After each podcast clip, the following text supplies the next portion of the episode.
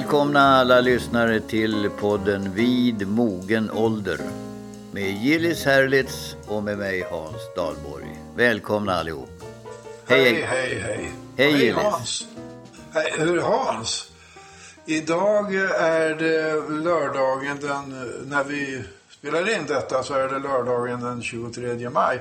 Och jag måste ju börja med att få gratulera så förskräckligt mycket till din mycket välförtjänta födelsedag häromdagen. Ja, de, blir, Grattis. de blir ju välförtjänsta i den man måler sig i livet och får fylla dem. Ja, Men alltså, jag, jag har fått förslag om att jag skulle he- numera kalla mig 80 minus. Nej, nej. Nej, vi har ju alla blivit 70 plus. Och det, Ja, när folk visst. frågar hur gammal är du? Jag är 70 plus, säger jag. Ja, det är helt rätt. Du kan ju lika gärna säga 60 plus eller 40 plus. Ja, Det, det gäller ju fortfarande. Så kan Vi- man hålla på så. Så slipper vi det här tramset om exakt ålder. man Men, kan ju, eh, var man kan ju trevlig säga att då? vill man vara lite fin så kan man ju säga jag tillhör riskgruppen. Ja, det kan man väl säga. Men du, eh, du hade, det betyder att du hade inte mycket folk hemma på kalas i alla fall. Nej du, det var avstånd. Men mina, våra barn var över och gratulerade på, med stort avstånd. Ja, ja vad trevligt. Det här äg- ägde ju rum på Kristi himmelsfärdsdag. Ja, just det. Och det är inte bara Kristi himmelfärdsdag. Förresten, var du på Gökotta på Kristi him? Nej, det var jag inte. Ja, ska man vara det? Ja, det är dagen för Gökotta. Och till äventyrs, om det till äventyr skulle finnas någon som inte vet vad Gökotta är, så betyder det att man tar med sig en picknickkorg ut i naturen tidigt på morgonen på Kristi himmelfärdsdagen. Jag var mycket Det, aktiv, det ingår i, i traditionerna. jag var mycket aktiv i Säters blåsorkester eller Säters gossorkester. Var, var, var, den stor, var den stor? Ja, alltså den var ju... Vi skulle ju då spela salmer ifrån kyrktornet väldigt tidigt på morgonen. Och sen på lite senare på eftermiddagen så spelade vi i marscherna eh, för, inom folknykterhetens dag. Ja, det är det ju också, eller vad det. Ja, just det. Folknykterhetens dag. Vet du någonting att berätta om denna dag? Inte särskilt mycket, mycket. Jag tror att det hette nykterhetsfolkets dag. Och sen bytte man namn någon gång på 40-talet. Och, jag vet inte om det är någon skillnad på att vara nykter och folknykter. Men eh, jo, men jag har alltid trott, nej det har jag inte, men, men eh, att det hette nykterhetens dag förut, men så kom folkölet och blev en, en Nej, eh, nej, nej, nej, i ögat på nykterhetsvännerna och då fick det heta folknykterheten. Nej, så är det inte. Nej, du, Kristi det- himmelfärdsdag och folknykterhetens dag, det innehåller ju mycket Kristi himmelfärdsdag. Det är Va? egentligen, enligt gammal tradition, är det första metardagen. jaha. Det vill säga pojkar, det var inte lönt att ge sig ut och försöka meta före Kristi himmel, då gick det bra. Och det var dessutom den dag man enligt traditionen skulle skala björkris för att göra vispar. Att vispa i mjöl och såser och så med. Och sen var det barärmardagen. Det var första dagen man kunde gå med kortärmat ute. Så det har varit en riktigt viktig dag rent profant. Det är intressant att, att, att den har dragit med sig så många profana aktiviteter, denna Kristi Ja. himmelsfärdsdag, som egentligen inte berör särskilt mycket i evangelierna, utan det är först i apostlagärningarna som Ja, man ser i. Bibeln kan läsa om att Jesus eh, ja, försvann i något töcken, i något moln upp i himlen. Något moln bara bars upp. Ja, det är ju märkligt alltså att det inte talas mer om detta egentligen. Men Gustav III försökte ju bli av med den dagen bland många andra. Jaså? Så då stötte han på patrull av Esaias Tegnér som stoppade borttagandet av Kristi himmelfärdsdag. Men det är ju andra dagar i de här, maj är ju, är ju fylld av, av dagar på något sätt. Vi har mors dag, sista söndagen i maj. Ja, just Och, det. och vi har eh, en del annat, men det kan vi ta sen. Mors dag, eh, uppmärksammade du den som barn Hans? Ja, oh ja, oh ja. Det var, Ja. Det var, då, då skulle ju alla barn i skolan göra teckningar Och eh, små eh, bilder som riktades då till mor. Som då var Just världens precis. bästa mor på alla papper. Ja, och skulle eh, hållas fri från alla hushållsgöromål den dagen. Ja, Vilket ofta resulterade i att familjen gick ut på restaurang och åt. det var ju dråpligt. det var, Men, det, eh, det var ju men, Hyland. eh, men vet, jag tittade på Nordiska museet en gång i samband med någon forskning jag höll på med. Och tittade på barnteckningar i deras arkiv där för mors dag respektive fars dag. Och det var en väldigt eh, karaktäristisk skillnad på de där teckningarna. Teckningarna som små barn hade gjort till mors dag, det var nästan alltid uttryck för en relation. Alltså man fick se både mor och barn och så ett hjärta emellan eller en blomma. Och, eh, det- alltså det var en relation. Medan på fars dag så var det smattrande fanor och sådär. Uttryckte nästan aldrig en relation. Det, det, det var rätt intressant att iaktta. Men vi Men hade ju... eh, man kan ju veta, alltså det är en av de få sedvänjorna vi vet exakt när den startade i Sverige. Men vi är ju den- uppfostrade i väldigt tydliga könsroller, du och jag. Ja, eh, 1919 var det Ulrika Båth Holmberg som introducerade detta efter amerikansk förebild i Sverige. Och man kan ju tycka att det är en konstig tid att införa mors dag. Det här första år, eller tiotalet. Men det var sån splittring i samhället med ökande brödköer, klasskillnaderna ökade mycket. Och då ansåg hon, liksom många andra, att det behövdes en enande kraft. Som kunde ena alla över klassgränser och allting. Och det blev då mors dag. Det finns, eh, även i den här månaden maj så är det slutet på Ramadan. Ja, just precis. Och den slutar så vitt jag vet, den är ju i eh, nionde månaden och det där är ju rörligt. Så det hamnar alltså lite olika tider. Och i år så, så är denna fast, muslimska fastemånad, Ramadan, upphör tror jag den 22 eller 23. Och det betyder att då inträffar någonting. Nämligen en, en, en fyra dagars festlighet, så kallad Eid al-Fitr. Ska man äta ikapp? Och Eid al-Fitr med, med eh, lite reservation för det totalt korrekta uttalet, men ungefär så. Och då är det, då, många tror då att man eh, som vanligt, efter, när man äntligen får börja äta igen och så, så, eh, så är det fest.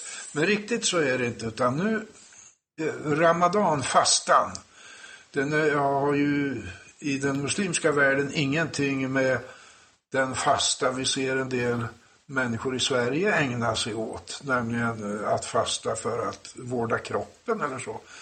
Utan det här är själen, man befinner sig nära Gud. Och det gör man genom att klä sig fint, köpa nya kläder till barnen och gå runt och hälsa på alla släktingar. Och man har rätt mycket släktingar efter. Man börjar med de äldsta, sen går man neråt, neråt, neråt. Och det bjuds på mat hela tiden. Och det är väldigt söta saker. Det är ingen eh, tillfällighet att den på turkiska heter, om man översätter det till svenska, godisdagarna eh, eller någonting sånt där. Jaha. Det är väldigt sött. Men det är väldigt mycket umgänge med släkt och sådär. Och det blir väl lite knepigt i år, förmodar jag. Det är mycket Men, knepigt. men det är en stor fest för många i Sverige, Eid al-Fitr. Okej. Har du läst mycket av Artur Lundqvist?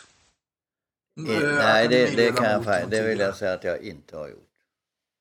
Har du? Jag hörde, ja, jag har just slut. Jag har inte läst mycket av honom. Men han har en sanslös stor produktion av alla möjliga verk. Men jag läste en som jag fann intressant eh, nyligen. Och den är utgiven 1978 som heter Slavar till Särkland. Och är en vikingaskildring, alltså tusentalet av eh, eh, vikingar i österled. De gick in i Ryssland och ner genom Baltikum och hela vägen ner till Särkland som vars huvudort var Bagdad i Irak. Oh, ja. Och det är en spännande och intressant historia men man kan, så läser man en roman om vikingar ja. så går det inte att komma förbi Röde Orm och Frans G. Bengtsson. Du har ju nämnt de böckerna flera gånger i podden. Och de skildrar den här vikingafärden på så dramatiskt olika sätt, Frans G. Bengtsson och Artur Lundqvist. Frans G. Bengtsson är ju mustig och blodfylld och så här. Och det är inte Artur Lundqvist. Han är mera filosofisk, diskuterande och det är inte alls lika mycket äventyrligheter och så. Så de är väldigt olika, men ja, det var kul att stifta bekantskap med hans skriveri. Det blir nog något mer. Han har skrivit många sådana här historiska romaner, om man vill kalla det det. Jag har, du läst någonting på, jag... eller håller du på med något? Ja, jag har en bok som har legat här och kittlat mig lite grann och som jag sa, nej den där ska jag inte börja med. Och det var det är en bok av Olga Tokarczuk som spelar, ja. spelar på många små trummor. Jag tänkte, jag tänkte, Nobelpristagare brukar inte vara så kul så jag låter den där boken ligga.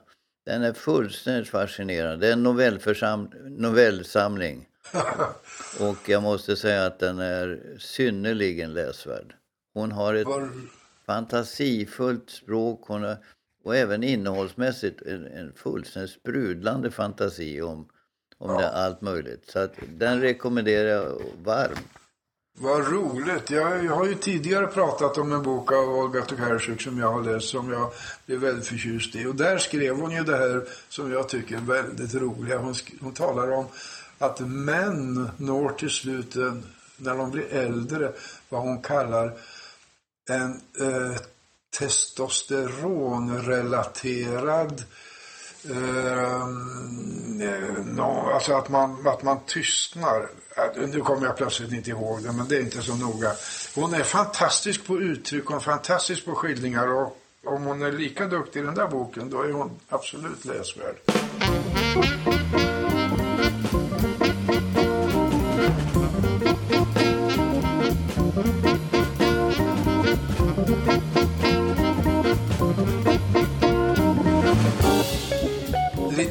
Uttryck Hans brukar du servera också i podden. Ja, du också. Har du något nytt?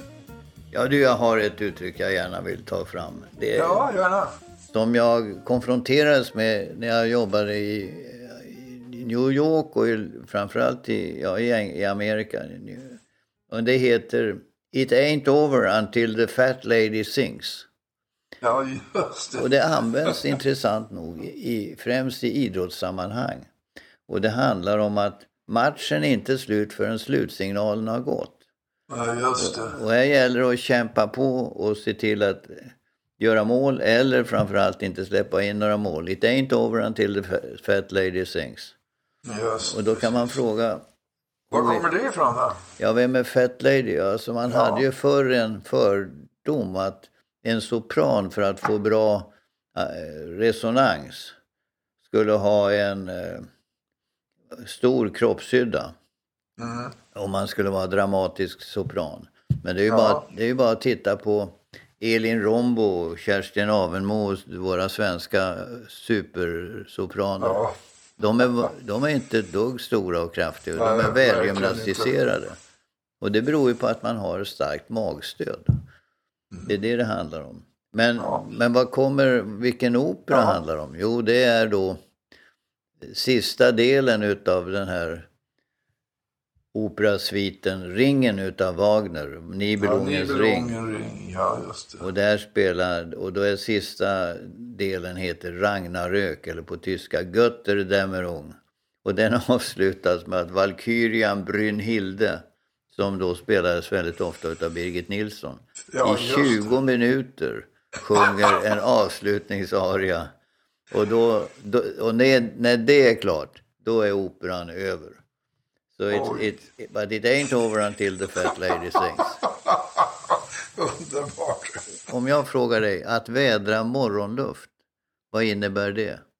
Oh, att man börjar ana hopp. Ja, här öppnas nya möjligheter, eller hur? Ja, exakt, exakt. Men om man borrar i det här och tar reda på varifrån kommer det? Jo, det kommer ifrån Hamlet. Där sitter Hamlet på och träffar sin far, vålnaden, som har kommit upp ur graven. Och då säger fadern, vålnaden, att I sent the morning air Det vill säga, jag känner, jag känner doften av morgonluften. Det där översattes till tyska så heter det... Han måste tillbaka då, eller? Ja, exakt. Ich wittre das Morgenluft, die Morgenluft. Ja. Och uh, I sent the morning air innebär alltså att det är något hotfullt. När morgonen kommer så måste han tillbaka till sin tillvaro i graven. Oj, det är totalt omkastat. Absolut.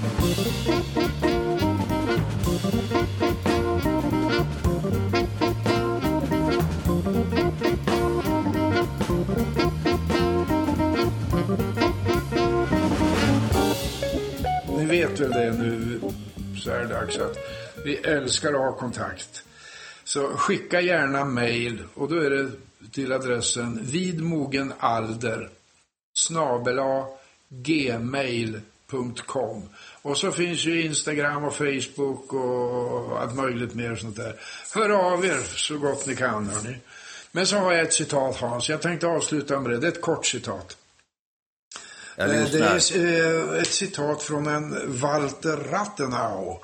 En tysk industriman under ett år utrikesminister i Tyskland på 1922. Eh, och han mördades när han var blott 50 år gammal och vid nazisternas bokbål så ingick hans böcker i statskunskap bland de första som eldades upp. Vilket ju kan anses vara hedervärt.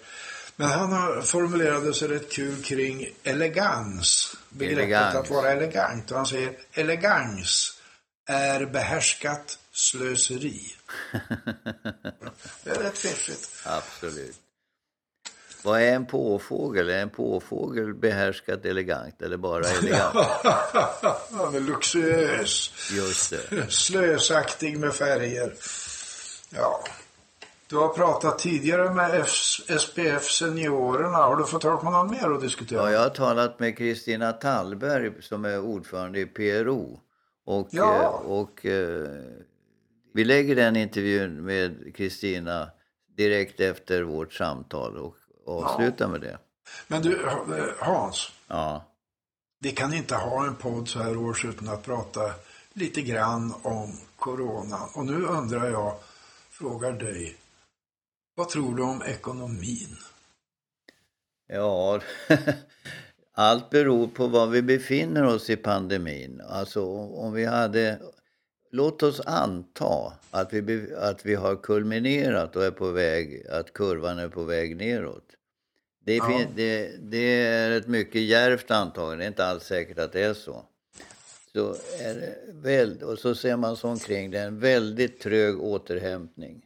För första gången i historien så lämnar Kina ingen tillväxtprognos. Helt enkelt, trots att det är en planekonomi. De vet inte. Nej tunnelbaneutnyttjandet i Kina har ökat sen, från ett nollläge men är bara uppe i 75 procent. Biobesöken i Kina ligger fortfarande på noll. Oj! Inte på grund av restriktioner längre? Eller? Nej, oro. Tittar vi på ja. detaljhandel, så vi kan ta Sverige, den har gått ner med 30 procent. Tittar vi på detaljhandel i Italien 80 procent ner. Alltså bara 20 procent, en femtedel av all detaljhandel fungerar i Italien. Sen kan man se sig omkring lite andra iakttagelser. Oljepriset har ju gått ner i backen, liksom också elpriset. Och det här leder väl sannolikt till att inflationen, sannolikheten för inflation är mycket låg, den är noll. Snarare finns det väl en fara att man får deflation, det vill säga att yes. man skjuter upp konsumtionen till, till i övermorgon då det blir ännu billigare. Tittar man på sysselsättningen i USA har ju gått ner dramatiskt alltså. Dramatiskt. Och det har enorma påverkningar på hela världsekonomin. BNP säger man ska gå ner i, i Europa genomsnittligt 6% Det är väldigt mycket. Och man säger då att ja, första kvartalets rapporter från företagen var ju inte så tokiga. Andra, andra kvartalet tror jag blir hemskt. Och det är fortfarande mycket varsel, mycket uppsägningar. Och mot det så står aktiemarknaden som faktiskt inte går ner särskilt mycket. Snarare, snarare tvärtom. Och det måste ju innebära att de på aktiemarknaden har någon sorts tro om att hösten någon gång, november, december, så ska man ha en återhämtning som, som eh, motiverar de här aktienivåerna. Mm. Men fantrot som det heter. Ja. Nej, det, jag, jag tycker att man ska vara inställd och beredd på att det blir kärva tider, riktigt kärva tider. Och blir det inte det så får man bara vara glad. Och sen... Men vad innebär det här, all, alla dessa förskräckliga scenarier, vad innebär det för människors privatekonomi tror du? Ja, de som, de som har buffertar klarar sig, va? men de som inga buffertar har blir oerhört beroende utav vad det allmänna kan tillhandahålla. Och framförallt hur ekonomierna går igång. Och då ska ja. man ha klart för sig att Sverige är väl ett av de länder som går igång fortast. De som har haft lockdown, de får ju väldiga bekymmer att komma igång. Ja, de har lång startsträcka. Ja, och så fort de börjar se antydningar till smittspridning så måste de vidta åtgärder, antingen mm. acceptera det eller, eller slå till bromsarna. Men det, det, å andra sidan har ju den svenska strategin blivit häftigt kritiserad. Och det står ju med stora bokstäver på löpsedeln att Sverige har för ögonblicket världens högsta dödstal. Per, per, per, per miljon invånare, tror jag det var. Belgien ligger väl risigt till också. Men det är väldigt många som dör i Sverige i den här. Alltså det, det är ju naturligtvis därför att smittan slank in på äldreboendet och i hemtjänsten. Det, det, det ja. tror jag är den stora förklaringen.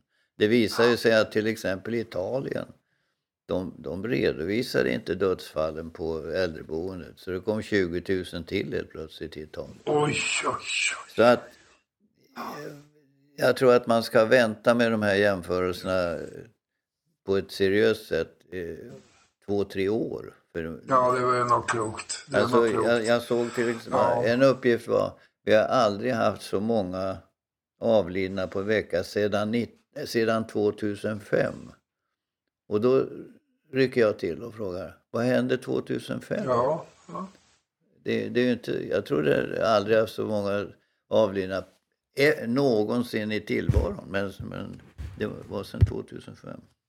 Jag tror till exempel inte att det förhållandet att barnen har gått i skolan i Sverige jämfört med andra länder har haft någon större inverkan på antalet avlidna. Utan det är hur dåligt förberedda vi var på, på äldreboenden och i ja. hem, hemtjänsten. Då ska vi lyssna på Kristina Tallberg ifrån PRO. Och tack ska ni ha. Vi hörs om Tack. 14 dagar. Hej, hej. Tack alla. Hej.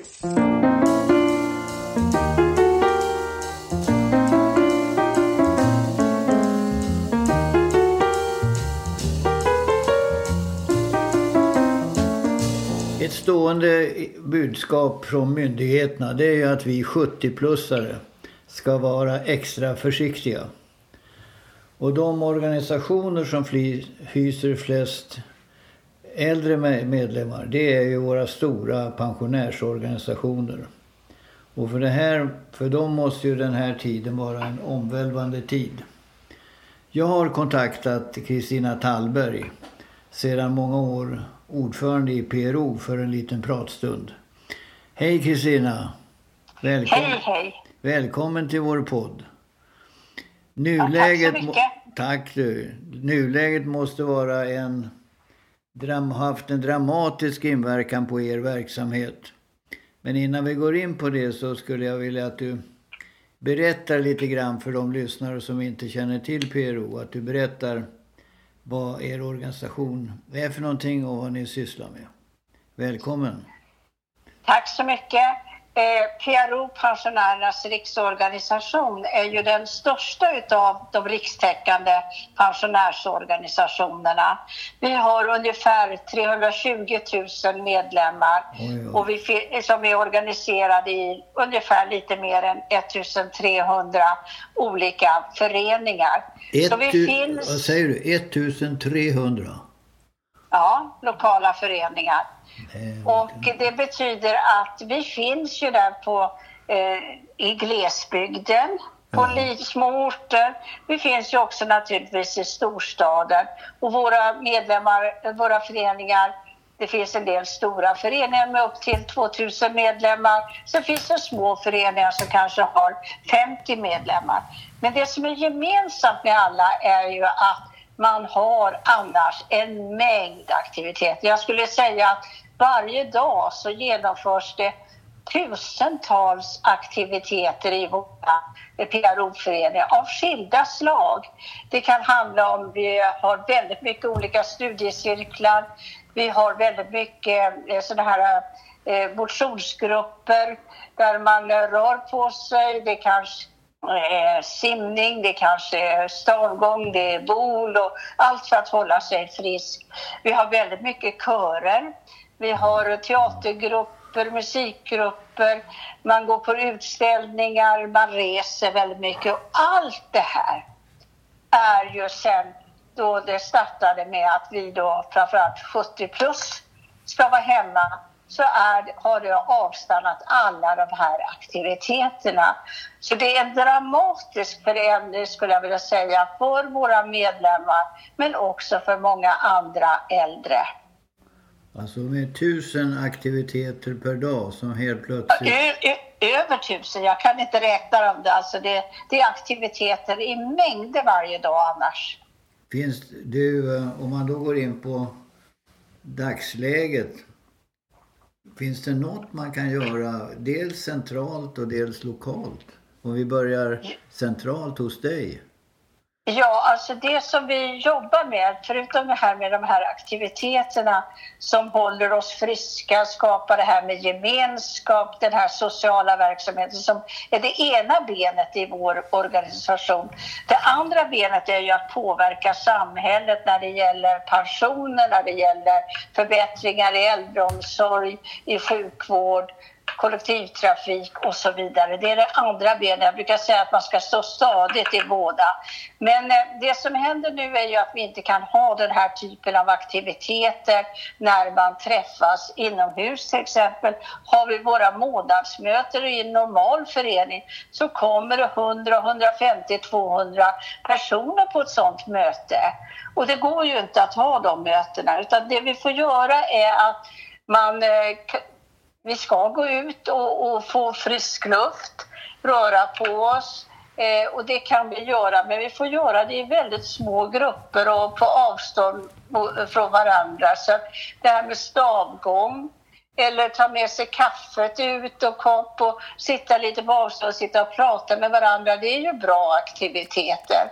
En, en, en andel, en stor andel av medlemmarna inte behärskar den digitala världen.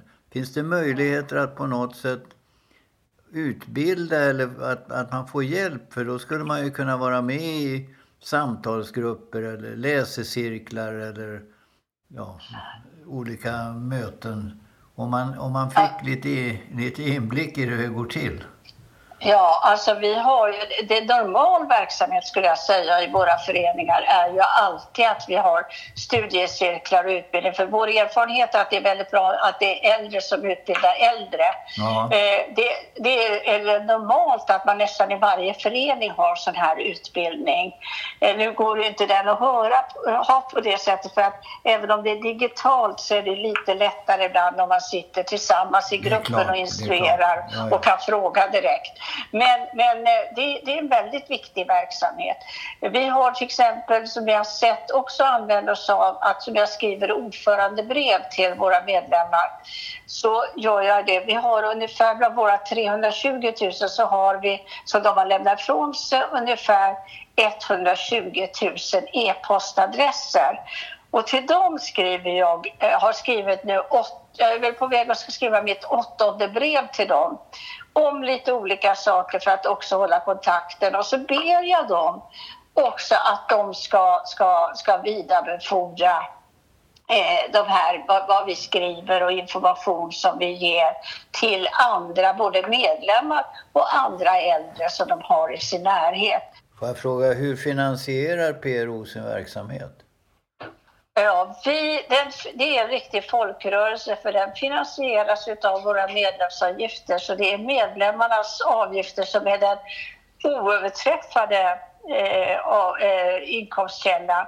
Sen som nummer två så har vi Eh, vi har ju vår tidning PRO-pensionären ja. som kommer ut och där har vi vissa annonser även om vi har problem nu eftersom många mm. av annonserna Eh, är ju reseannonser och det går ju inte att göra några nej, resor nej, så då är inte nej. annonsörerna så där särskilt villiga heller att, att köpa annonser.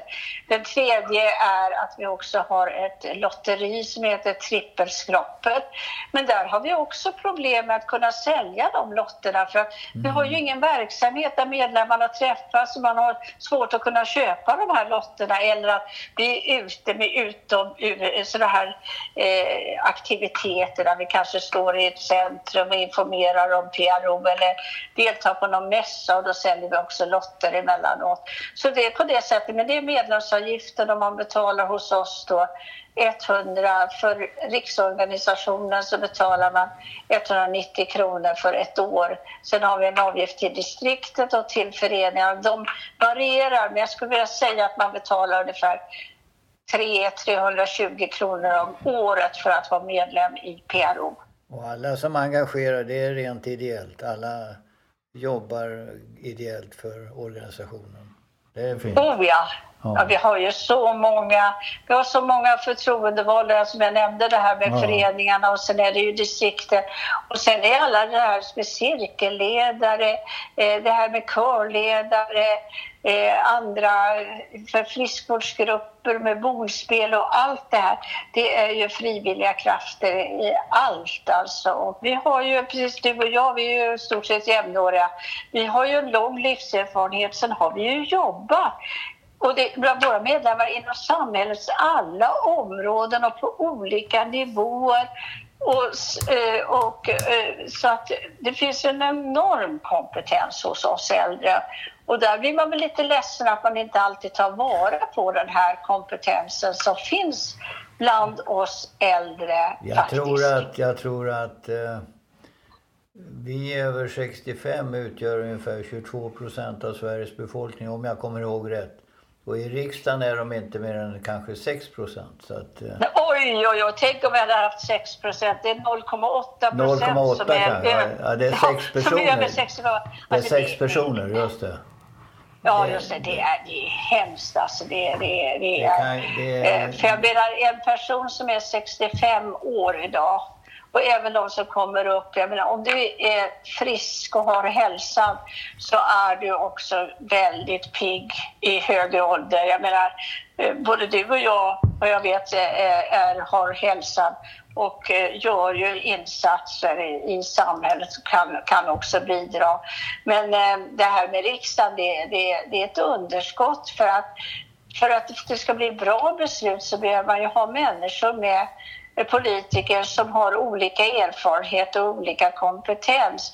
Och det är en liten fara tycker jag att väldigt många är väldigt jämnåriga och då har man e, själv samma eh, tidsperspektiv så att säga som man har upplevt själv i tillvaron. Och jag tror både unga och äldre och med andra ut, eh, erfarenheter. Mixar man det där så då får man bättre beslutsunderlag och kompetens. Det tror jag är kloka ord du säger. Hör du, hur sköter du dig själv i den här pandemin? Tar du några promenader? Du kan ju inte sjunga i kör alldeles ensam. Vad gör du för någonting? Nej, jag får gå och sjunga själv. Nej, men jag tillhör ju de lyckliga som, eh, som har, bor tillsammans med eh, min man. Då. Eh, vi delar ju hushållet. Men jag sa från dag ett, eftersom jag är ledare i den största pensionärsorganisationen och naturligtvis plus 70 själv, så har jag att utgå ifrån de regler som Folkhälsomyndigheten har stipulerat och också agera därefter. Något annat är otänkbart för mig. Men självklart så, så går vi ut på, på promenad. Nu bor jag ju i Tyresö utanför Stockholm och vi har ju väldigt fina naturområden på knutarna så att säga. Så att, eh, jag har en dotter som bor i Tyresö. Hon bor på Tyresö strand. Ja, hon bor några, hon bor någon mil ifrån mig då, för jag bor ju mot gränsen, så, gränsen mot Haninge. Men då vet du också hur vackert och fina möjligheter man har att, att också gå, gå ut och njuta av naturen. Och jag säger det att vilken tur nu när vi drabbas av den här pandemin att den har hänt under den här årstiden. Jag vågar inte tänka på vad det ska ha hänt om det kom där i eh, slutet på oktober, november när man inte kan vara utomhus så lätt som för, för många, de flesta av oss, så kan vi ta oss ut lite grann i alla fall eh, mm. och få mm. lite frisk luft och röra på sig och sen vara på avstånd från varandra och utbyta lite samtal. Men jag är oroad för eh, vad som händer för många. Den här ensamheten är inte bra i det långa loppet och det vet vi sedan tidigare att ensamhet, ofrivillig ensamhet föder ganska snabbt också ohälsa. Och därför måste vi jobba väldigt hårt och jag säger i PRO att jag har sagt till många av våra när jag pratat senaste dagarna att vi måste förbereda oss när man nu får öppna upp så måste vi öppna upp ännu mera. Vi måste erbjuda ännu mer aktiviteter än vad vi gjorde innan den här situationen för att det är ett sånt uppdämt behov av att man får träffa varandra och ha någonting roligt och trevligt och givande att, att göra ihop med andra människor. Du ska ha tack Kristina och vi kan få, låt oss bara hoppas att den här pandemin klingar av så att inte det här skräckscenariot som du skildrar kommer att inträffa. Och så att vi försöker att vi får ett mer normalt socialt liv. Det har varit väldigt trevligt att prata med dig. Jag säger bara tack ska du ha och fortsätt att hålla avstånd och må bra. Tack ska du ha Hans. Det var ett nöje att få prata med dig igen också. Tack ska du ha. Hej med dig. Mamma är lik sin mamma. Ja, kvinnans lott i livet är densamma. Det sa farmors mormors mor till sin farmors morbrors bror. Att livet